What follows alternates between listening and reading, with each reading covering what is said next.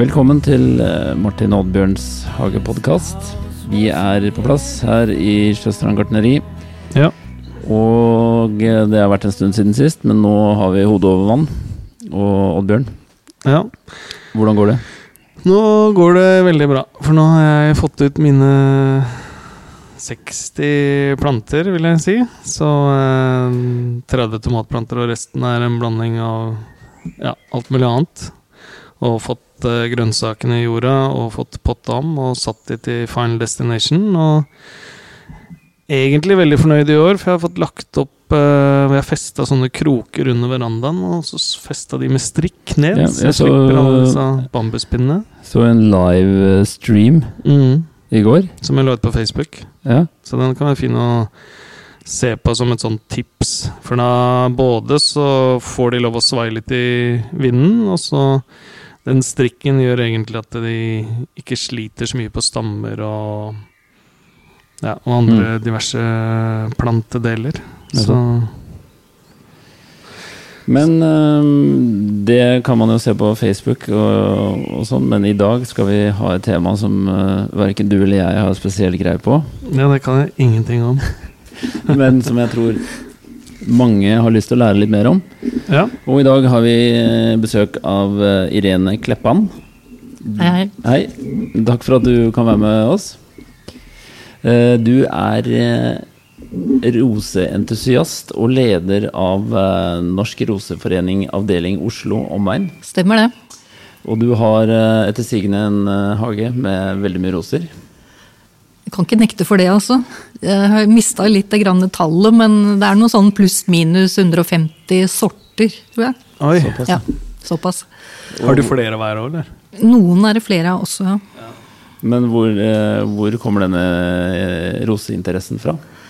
Altså, jeg hadde en onkel som var bonde oppe i Telemark, i Heddal. Og han var først veldig sånn eh, tulipanentusiast. Men så gikk det over på roser. Jeg tror det kanskje kommer derfra. Han begynte å plante mye, og jeg synes det var litt artig. Så, så den, det, er, din egen hage? Du har alle disse 150 Ja, det er min eh, hage på 690 kvadratmeter. Ja. Så du har eh, ikke tid til andre hobbyer, kanskje? Jo. Og som ikke har med hage å gjøre? Nei, kanskje ikke. Har du gress i hagen din? Vi har gress? Ja, men uh, dattera mi måtte si nei, nå får du ikke lov å ta mer gress. For da blir det, går bedda i ett, liksom. Så Så det er slutta jeg å bare, utvide. er det nesten bare sånne gåstier som er gress? Ja, i den øvre delen av hagen så er det sånn eh, blitt sånn gangsti, liksom. Ja. Ja, stemmer det. Men altså Dette med roser det er et lite mysterium for meg. Eh, Det er jo litt fordi jeg ikke har noen roser selv. Jeg har ikke så mye erfaring, men vi selger det jo her. Og før, altså, før min tid her, da, så solgte vi jo veldig mye roser. Så mm, vi får jo stadig spørsmål om stell av roser. Så det vi I dag tenkte vi at vi skulle komme inn på det som jeg tenker i hvert fall eh, flest veldig mange lurer på, da. Men la oss begynne med det som eh, jeg syns er litt eh, vanskelig. Dette med type roser. Det er klassifisert i forskjellige mm, Eller i forskjellige klasser, kaller man det det? Eller? Eller grupper. Grupper. Det verste er jo at eh, det er mange forskjellige måter å klassifisere rosene på også. Men vi vil prøve å gjøre det sånn noenlunde enkelt, da. Ja. Så det som er mest vanlig, det er jo å snakke om stilkeroser, klaseroser, bunndekkere, buskroser og klatreroser. Det er liksom Da har du det meste. ja, det lyder jo kjent. Ja, dette, ikke sant? Er, dette er begreper som på en måte er Det er inn, innarbeida i Norge. Ja. Ja. Men det sier jo også Du hører da litt ut på gruppenavnet, egentlig, hva, Hva du skal bruke dem ja, til. hva du skal bruke dem til. Ja, Ja. rett og slett. ja. Men det er jo veldig logisk. Må jo ikke lage det vanskeligere enn det er heller. Nei, det er eh, Men la oss begynne på toppen. Du har laga en fin liste her. Stilkroser. Hva Ja, det, Da kan jeg også snakke om uh, en annen inndeling som uh, vi kaller noe for historiske roser og noe for moderne roser. Og da har vi et årstall, 1867. Da var det noen som klarte å krysse fram en langstilket rose med litt sånn uh, jålete, svær blomst på. Og da begynte liksom de moderne rosene. Så en stilkerose det er egentlig en eh, flott rose med lange stilker. Enkelt og greit. Men og hvor, hvor høye blir de? Nei, de kan bli eh, meterhøye og vel så det. Kommer an på hvor de vokser henne. De har blomster hele veien oppover stilken, eller? Nei, Noen av de har liksom sånne enkle stilker med én rose på, mens andre har litt mer sånn klaseblomstring. Men det er mest at de har liksom én og én lang stilk med ei rose på. Ja. Hva Men- er, hva er eh, eksempler på kjente sorter der? De mest kjente? Hvis det går an å snakke om Tja du Ja, du har jo noen sånne fløyelsrøde, da. Du har eh, Jeg klarer ikke å komme på i farta, altså. Nei, det er ikke så Ja. viktig. Men eh, la oss gå til klaseroser, da. Har det klase? Har det Ja, det er klaser. Da kommer blomstene blomsten i klaser. Men det er, ganske, de er lavere enn stilkerosen. da. Kanskje en sånn 60-90 cm høye. Og stilkene kommer alltid i klaser. blomstene kommer i klaser. Og det blomstrer fra, ja, fra slutten av juni og helt til frosten tar dem. Men Klase, er det Kall det som en tomatplante, at det kommer ut en grein med flere liksom Ja, det er sånn, blomster på? sånn det ser ut. Det er sånn det De kommer ut, i klasevis, ja. rett og slett. Ikke én og én som en stilkerose, men som en større klaser. da. Ja, men eh, stilkeroser. Du hadde noen Ja, det var jo Den mest kjente i verden er jo peace-rosen. Den Ja. kjenner vel alle til? La meg gjette. Er den hvit? Nei. Nei. Den er sånn gulrosa, kan vi vel si. Okay. Og sånn som mora mi hadde i hagen og var veldig stolt av. Mm. Og så har du jo en sånn fløyelsrød som heter Ingrid Bergman, som også er veldig kjent og er- veldig bra er- rose, faktisk. Nina Weibull. Og det er en klaserose. Men den dufter ikke. Det er jo ikke noe rose, da. Nei. Du kunne i hvert fall et navn, Martin. Det kan Ja. den, den er veldig vanlig. New Dawn. Ja ja, men det er en klatrerose. Ja, ok. Eh, Nå kan jeg, jeg skal ikke drive gi med- deg, for Nei. Ja, ikke, må du gi noe, deg. ikke noe name-dropping. Men vi, vi snakket om klaseroser, og Ja. der kom blomstene i klaser. Men eh, så har du da buskroser. Ja, det er jo de jeg er mest entusiastisk på. For de krever stort sett mindre stell enn eh, disse lekre stilk- og klaserosene. Hvorfor, Og er ofte mer robuste også. Hva er grunnen til at de ikke Nei. trenger så mye stell? De har eh, allerede fra før en sånn eh, buskform, da. De skal ikke være så lave og pene. Sånn at det er den naturlige vekstformen du på en måte skal understøtte. Så hvor mye stell den skal ha, det kommer an på hva du foretrekker sjøl, nesten. Ja. Så jeg syns de er de kjekkeste rosene. et greit sted å starte Ja, for, syns eh, det. for nye. For det er veldig mange nye som kommer til et av disse kjente hagesentrene. Og så ser de den fantastisk flotte stilkerosen. Den vil jeg ha. Men så vet ikke de det, at den er den vanskeligste rosa å ha i hagen. Krever masse stell, og er ikke så herdige. Så det er en veldig gæren ende å begynne i. Okay. Så vi råder tips. folk til å heller satse på buskeroser, da. Ja, bra tips. Ja. Og så har vi klatreroser. De der, Det kan jeg skjønne hva er. ja, du kan det. De- Ja, men det er bra. De kan bli Ett poeng til deg.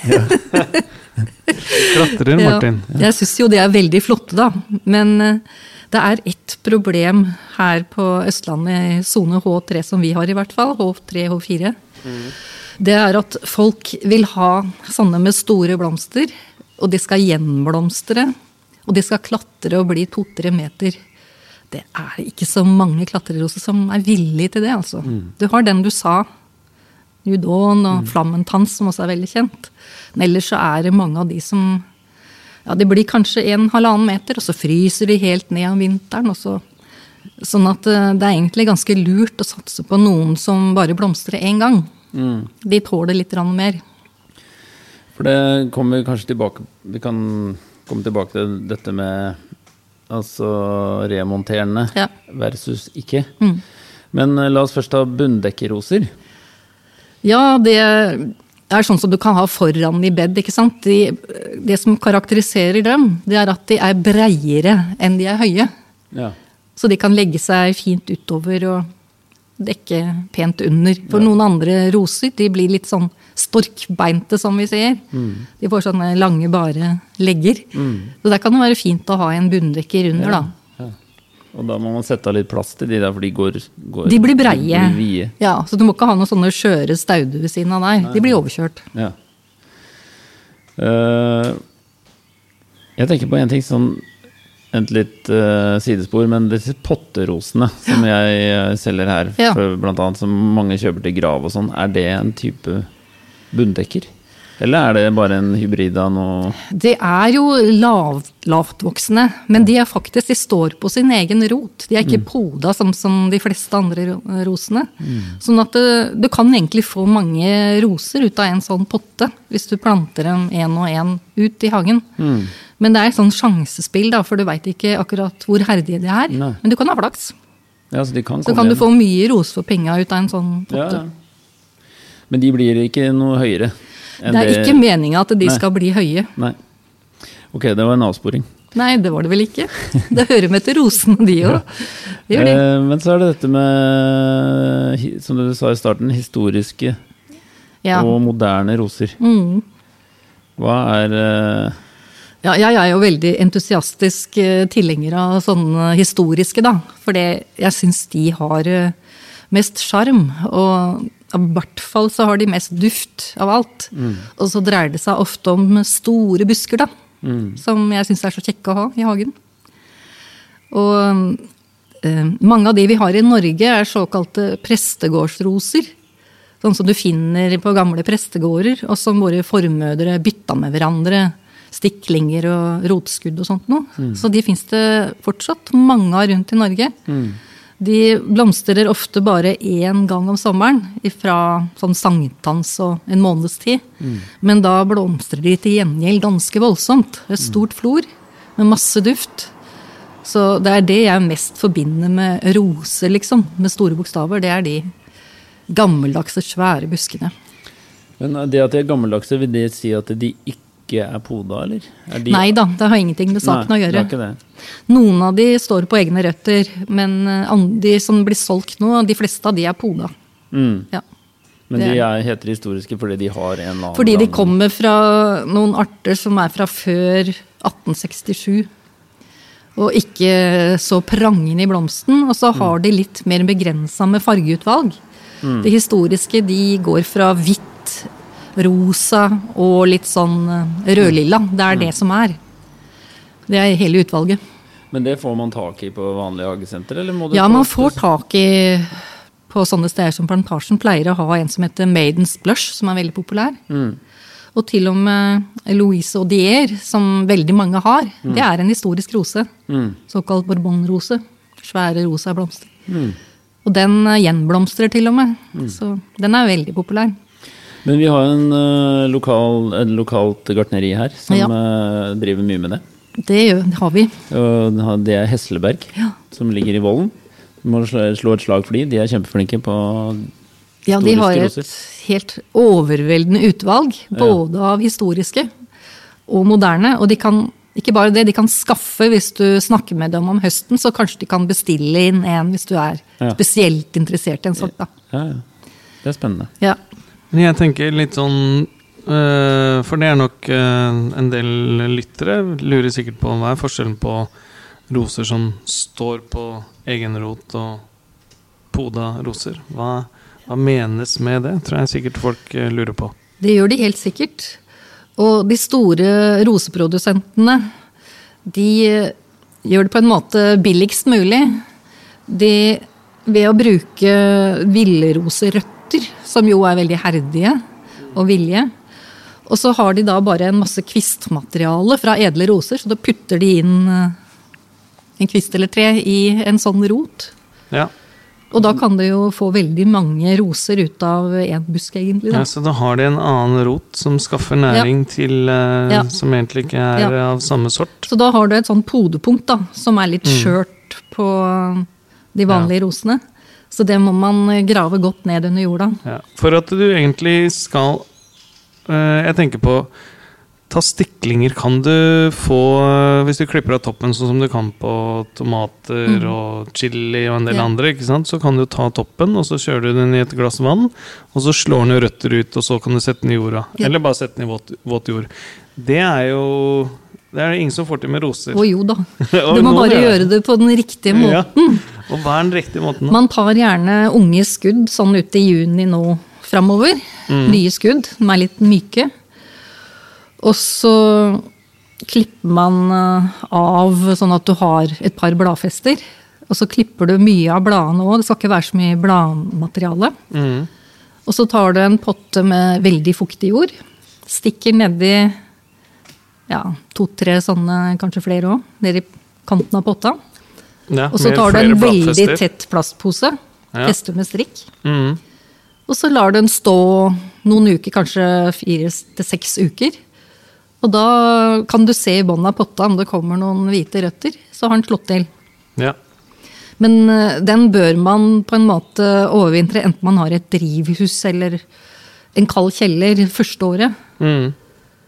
Og så potter man om, og så putter i jorda året etterpå. Ja. Men eh, det er utrolig gøy å holde på med det der. Ja, det ja, det tror jeg på. Det er litt Ja. sånn uh, Det er noen roser som egner seg bedre for eh, stiklingsformering enn andre. Men det er jo bare å prøve.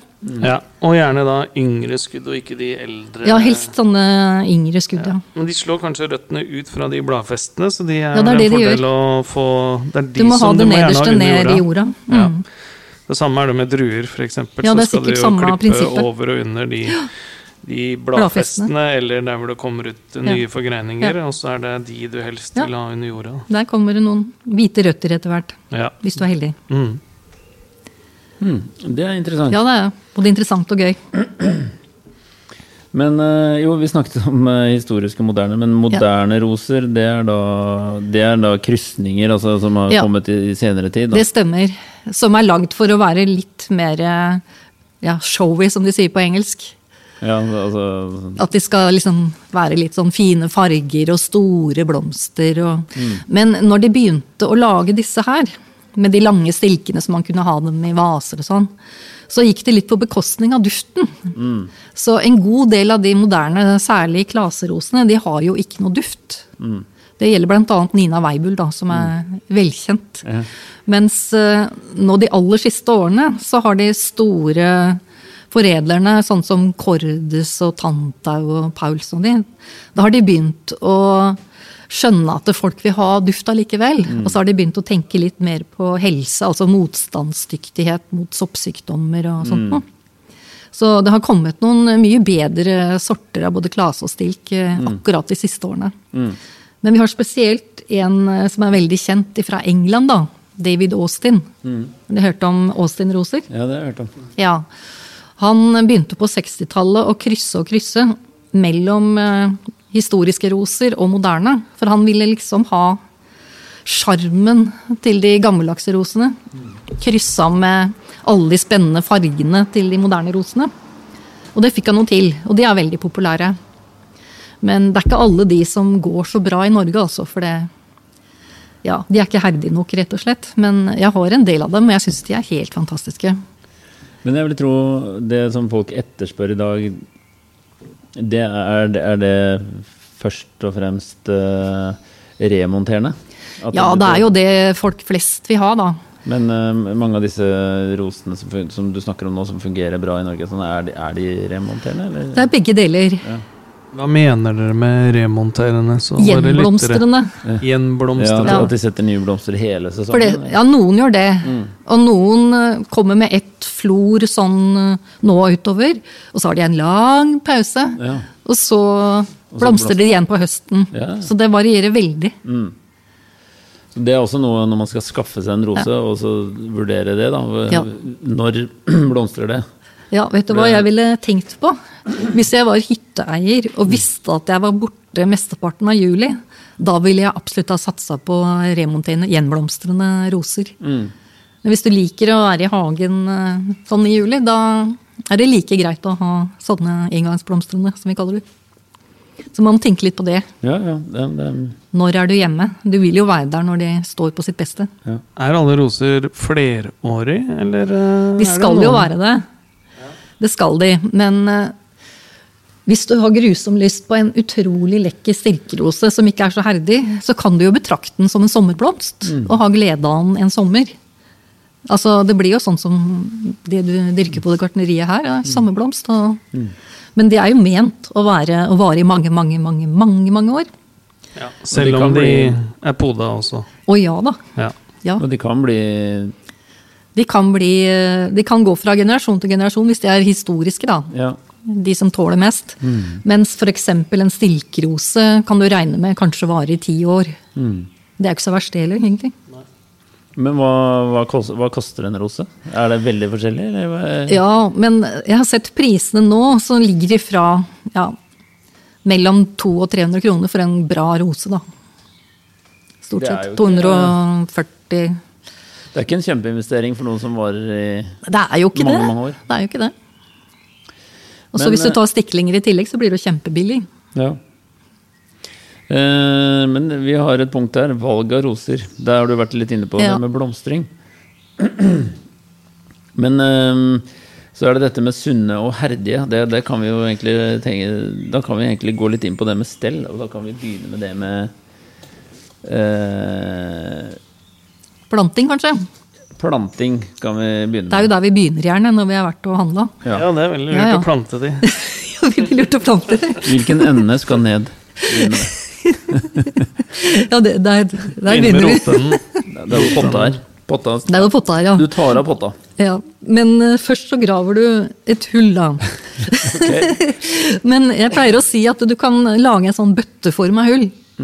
Og de aller fleste roser de liker god og dyp jord. Og de liker mye sol også. Så du må finne et sted i hagen hvor det er det. Det finnes roser som trives i hvert fall i halvskygge, og noen til og med på nordveggen. Men det er de færreste. De aller fleste de vil ha god, dyp jord og godt med sol. Så graver du et bøttestort hull, minst 50 cm. Og som mange andre planter så liker de å få med en pakke med kugjødselkompost eller noe sånt noe på, på veien. Og så er det veldig viktig å vanne veldig godt når du planter. Men du skal ikke drive og skvettvanne roser. Og de liker slettes ikke hagespreder som da får de vann på bladene, og det liker de ikke. Så vann innmari godt med kanskje 20 liter per rose når de blir planta. Og hvis det er en tørr sommer, så må du følge opp eh, kanskje en gang i uka med en god kanne med vann på, de På- nyplanta. På nyplanta. Ja. Ja. Men de gam gammelplanta, de, de får nå bare det overgartneren spanderer i løpet av en sommer, faktisk. Ja, de trenger man. De får lange røtter, ja, og de får tak i vann, altså. ja. Det var planting.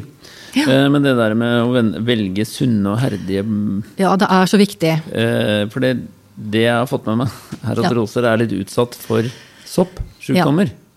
Det er de. Og der, der har du forskjellige typer sykdommer. Noe som heter rust. Ja, det er jo grusomt. Ja, og da er det sånn som eh, Sånn bladene blir gule. rustrødt belegg. Men det er heldigvis ikke så vanlig som den vanlige stråleflekken, eller svartflekk, som er veldig vanlig.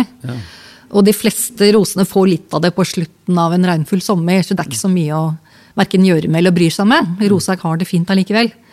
Men så er det noen roser som er veldig utsatt for svartflekk. Og for å unngå å kjøpe de, så kan man f.eks. spørre på gartneriet, og da er det jo lurt å gå til noen som har peiling Ja. og kan anbefale en sunn. Ellers så vil jeg absolutt si at folk burde skaffe seg en eh, rosebok Ja. på norske, med roser for norske forhold. For der står det jo om de er sunne, om de er utsatt for ditten og datten og sånn, så kan man velge de som er mest sunne. For det er ikke noe gøy med, med svartflekk på rosene. Det er ikke det, altså. Og så er det greit å plukke en H, tenker jeg, etter der hvor du bor. Ja, absolutt. Ja. Og gjerne en sone eller to over. Da er du sikrere.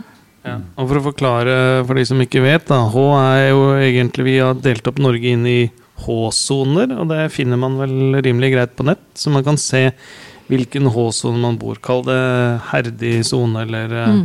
vet ikke hva hun står for egentlig, men det er Står for det. Hardførhet eller herdighet? hardførhet eller eh, Ja. Sånn at eh, det er hvor mange minusgrader det gjerne blir der hvor du bor på vinteren, og jo kaldere det er, jo høyere blir eh, H-en, egentlig.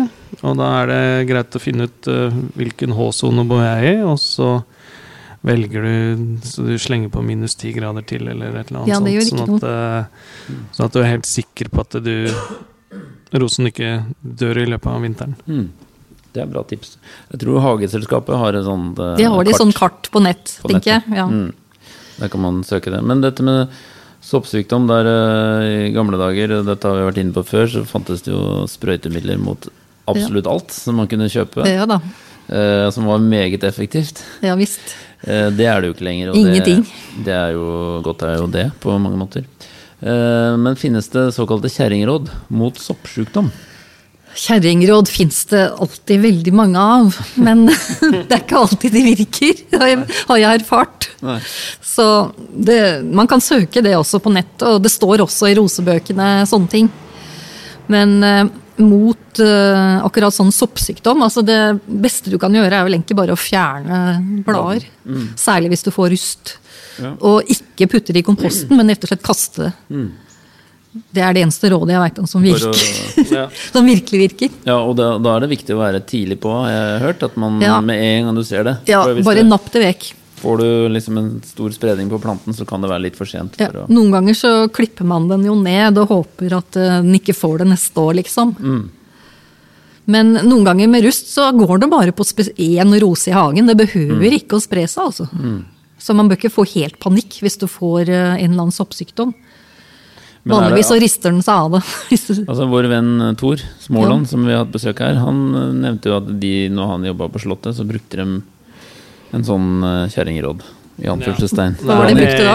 Det var er eh, én desiliter grønnsåpe, gjerne. Eller Ja. Og så er det en kork rødsprit. Mm. Og så er det en spiseskje, sånn cirka, med natron. Eller Eller bakepulver. bakepulver. Så er Eller liksom- atamon. ja, på én Ja. liter vann. Til en Ja. brukte han forebyggende, sånn. Ja, Altså, altså, atamon eller eh, sånn bakepulver, det kan man blande inn sånn og gjøre. Altså, jeg, hvis jeg hadde hatt et problem, jeg kunne jo prøvd det. Men eh, det er jo også noe som funker mot eh, skadedyr. Ja, funker veldig bra sånn på bladlus Ja og diverse Så det rådet virker. Ja. Bruker du det, eller? Ja, jamen. Ja, forebyggende, eller sånn jevnlig? Nei, jeg har ikke brukt det forebyggende enda, Vi har ikke vært så plaga. Nei. Men eh, jeg bruker grønnsåpe på bla, bladlusene hvis de blir for ivrige. Ja. Ja, for det er neste punkt, egentlig. Skadedyr. Og da er jo lus eh, Lus er ikke det mest problematiske i det hele tatt. Ikke Det ser jeg ikke på som noe problem engang. Okay. For de bare tar jeg Hvis det ikke er så mange, så tar jeg dem bare med fingrene og Ja, okay. Klemmer dem. Ja. Og hvis de er litt vel mange av dem, så kan du bruke hageslangen og spyle. Eller så er det grønnsåpevann. Mm. Og det er greit. Det er helt greit. Men hva er hovedfienden? Det er veldig mange som, som liker eh, roseblader, dessverre. ja. Og de verste, egentlig, det er noe som heter rosebladveps. Og en enda verre en som heter roseskuddveps. Og før så fantes det jo midler, som du nevner, mot det, men det gjør det ikke lenger. Men eh, uansett så ville det blitt forferdelig dyrt å sprøyte alle mine 150 roser med greiene der. Så det enkleste er egentlig bare å gå rundt og knipe. Den første, som heter rosebladveps, den kjenner du igjen ved at den eh, ruller sammen rosebladene så de ser ut som sigarer omtrent. Mm. Så jeg går og napper de nå om dagen. Napper og napper og napper. Jeg tenker å nei, hvorfor begynte jeg med roser? Og så den roseskuddvepsen. Jeg må nappe vekk skudd og sånt noe. Men ligger den uh, vepsen, den, eller Nei, den legger egg inni det sammenrullede greiene. Ja. Og roseskuddvepsen den kjenner du igjen med at eh, bladene på toppen av skuddet over knoppen legger, bøyer seg plutselig inn mot knoppen. Du ser det, liksom. Og da går det an å klemme og håpe du tar den larven, da. Hvis ikke så bare napper jeg av skuddet. Det er veldig lurt. Særlig hvis du ser at uh, roseskuddet plutselig henger. Klipp det av. Det er det eneste som funker. Ja. Så, så du tror liksom en stund akkurat nå på forsommeren at fy søren, skulle aldri ha planta roser. Men det er akkurat når de der eh, såkalte vepsene svermer at det er et problem. Når blomstringa begynner, så er det plutselig borte. Oh, ja. Så det er ikke noen av disse kan ta helt knekken på Nei, de gjør ikke det. Du bare føler det en liten periode. Ja, og så ser det stygt ut en periode. Ja. Ja. Men men når du får nappa mesteparten av de ekle ja, greiene, så blir det bra. Og, og de blomstrer som aldri før. Ja. Ok. Det skjer hvert år. Det er sånn morsomt. Sånn er det Ja. litt med tomatplanter, og opplever det på chili og en del andre òg, at de krøller seg, Ja, og det er feil rart. farge på bladene Ja. og en med andre. Så det er liksom, du bare tenker at nei, nå går Katastrofe. hele avlingen går rett vest, og så videre. Og så får de blitt litt større, og så liksom retter bladene seg ut igjen, og så blir fargen fin igjen, og så bare Ja, jøss. eh, Alt er bare eh, Ikke få panikk, for det er å si. Ja, ja, ja, for det er liksom, de det er så skjøre når de er små, og det går Ja. seg til som Mm. regel. Så. Ja, men da har vi snakka om eh, Er det andre fiender rosen har enn en disse dyrene Altså, og soppsjukdommer? Sneglene liker dem ikke. Så du går fri fra sånn brunsnegleangrep. Så roser er et veldig godt alternativ hvis man ikke liker snegler. si. Og hvem gjør det? For de liker ikke roser, rett og slett. Men andre fiender, det måtte i så fall være vond som eh, graver på røttene, da. Ja, sånne jordrotter? Ja, men det, det har ikke jeg vært plaga i hvert fall. Men hvis man er plaga av vond, og rådyr kan jo gå og jafse litt. Ja, rådyr, de liker jo blomstene. De liker alt, de. Ja. Har du problemer med det? Jeg har rådyrtråkk rett nedenfor tomta, Ja. og vi lever i fred. Sier du det? Ja. Det er litt underlig. ja, det er det, men de har så mye å ta i skogen, vet du. Ja. De kommer inn sånn på seinvåren og eter litt hekk og sånn. ja. Men eh, på sommeren så holder de seg stort sett borte. Jeg er glad i grønnkålen min. De er det, ja? Jeg er veldig glad i den. Den var så fin i vinter, så jeg gleder meg skikkelig til å skøste mye- med grønnkål. Og så tittet jeg ut et par uker etterpå, så bare var det jo laget egen sti gjennom hagen. og Rådyrbæsj overalt, og ikke et grønnkålblad igjen. Jeg har sett det er veldig mye sunne rådyr her. Som tråkker Ja. forbi her på vei fra deg. Ja, de er fine og, fine og tjukke og gode og mette etter å ha vært en tur i hagen min. Men uh, det er veldig mange som kommer her som sier nå er jeg lei av de rådyrene som tar rosene mine. Er det, har du noe um, Ja, det er jo Noe noen midler. Ja. Det er noe som heter Trico Garden, som skal være effektivt. Har jeg hørt. Mm. Jeg har ikke prøvd sier det. blodmel, men det har ikke jeg prøvd. Blodmel og ull, saueull. Det er mer sånn kjerringråd, da. ja, altså det er sånn som utgir Eller som gir en eller annen lukt som de ikke Ja, som de ikke liker. Ja. Så noen tar jo og spenner garn rundt bedene sine. og- Men det der tri- middelet og Garden det mener jeg er økologisk, så det skal være lovlig. Og så er det noe som heter Revira, som man kan strø rundt.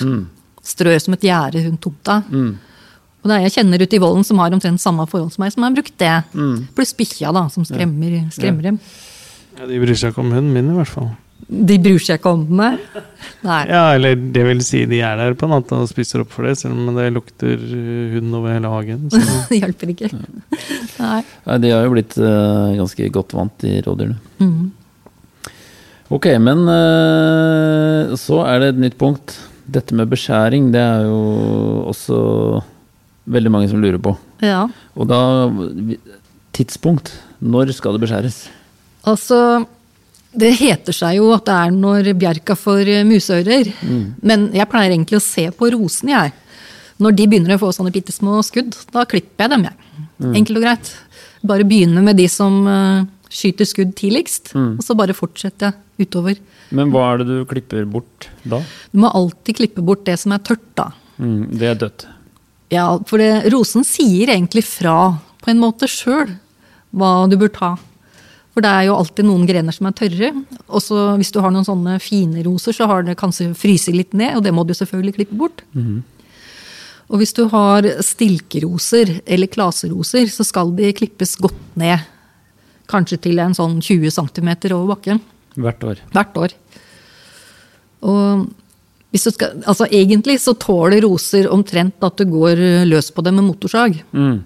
Men hvis du skal gjøre det veldig ordentlig, så klipper man eh, rett over et utovervendt skudd. Og så klipper du på skrå, sånn at vannet renner av, og ikke på skuddet. da. Mm. Et utovervendt skudd? Altså det som Ja, som vender ikke inn i planten. Og det, det kommer i neste punkt. Når du har fjerna det tørre og det skadde, så kan du fjerne grener som vender innover Mm. i rosa.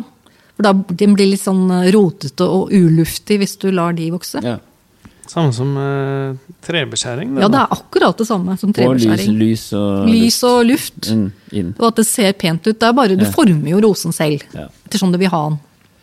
Altså, du sa stilk og klaseroser. Ja, De skal Klipper skjæres mye. Busker, ja. Hvis du vil, kan du skjære dem. Og hvis du har f.eks. noe sånn rugosa-sorter, ikke rosa rugosa, ikke den svarte lista, men sånne rugosa-sorter da, som er veldig fine, så kan det lønne seg å klippe dem helt ned sånn hvert femte år. For de lager sånne voldsomme tette buskas. Mm. Den må ikke. Busker er det mer så du former. Men det gjelder jo også der at du tar bort det som er tørt og eventuelt frossent. da. Og former den akkurat som du vil sjøl. Også når det gjelder de som bare blomstrer én gang. Da blomstrer de på fjorårets grener. Så hvis de klipper mye av det, så blir det jo ikke noen blomster. Så det er best å la dem være mest mulig i fred hvis du har sånne store engangsblomstrende busker. Og til sist så har vi jo klatrerosene. Og de første årene skal man ikke beskjære dem i det hele tatt. Med mindre det er noe som er eh, tørt eller frossent. Så når de har blitt noen år, så kan man eh, klippe ned de aller eldste grenene, sånn at du får eh, ny vekst fra bånn. Liksom. Nye grener. Da tar du de helt ned. Da tar du det helt ned til bakken. Men en klatrerose tåler den å liksom å bli kutta alt helt ned? Vil den komme Ja. Ja. Det gjør det. ja. Men Det da tar selvfølgelig litt tid, men eh, de tåler absolutt det. Mm. De vokser opp igjen med lange, lange skudd. De er langt sånn. Men de remonterende rosene, de, der risikerer du ikke noe å fjerne noe blomsterskudd, da? Eh, Nei da, de har bare godt av å bli klipt godt ned, for da forgrener de seg bedre fra bånn. Og så blir det liksom en mer fyldig rose da, ut av det. Med flere blomster, egentlig. Ja.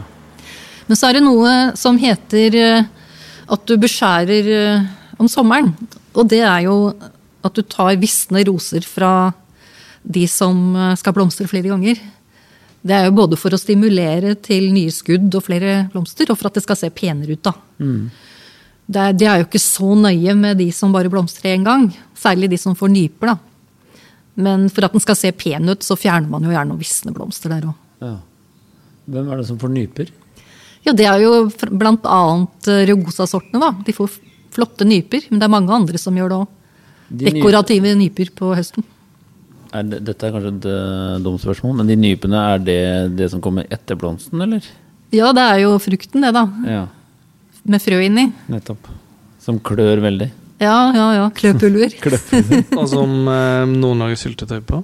ja. Okay. Ja. Det er noen tålmodige mennesker som gjør det. Moren min lagde nypesyltetøy på det. Ja. Bestemoren min lagde det, men det var sånn det var da i eldre Det var det vi hadde. Det var veldig sunt. Masse C-vitaminer. Ja. Bestemor lagde nypevin. hun. Måtte plukke mange nyper. Men øh, jeg er litt opptatt av den beskjæringen. Men da, de som da blomstrer én gang, Ja.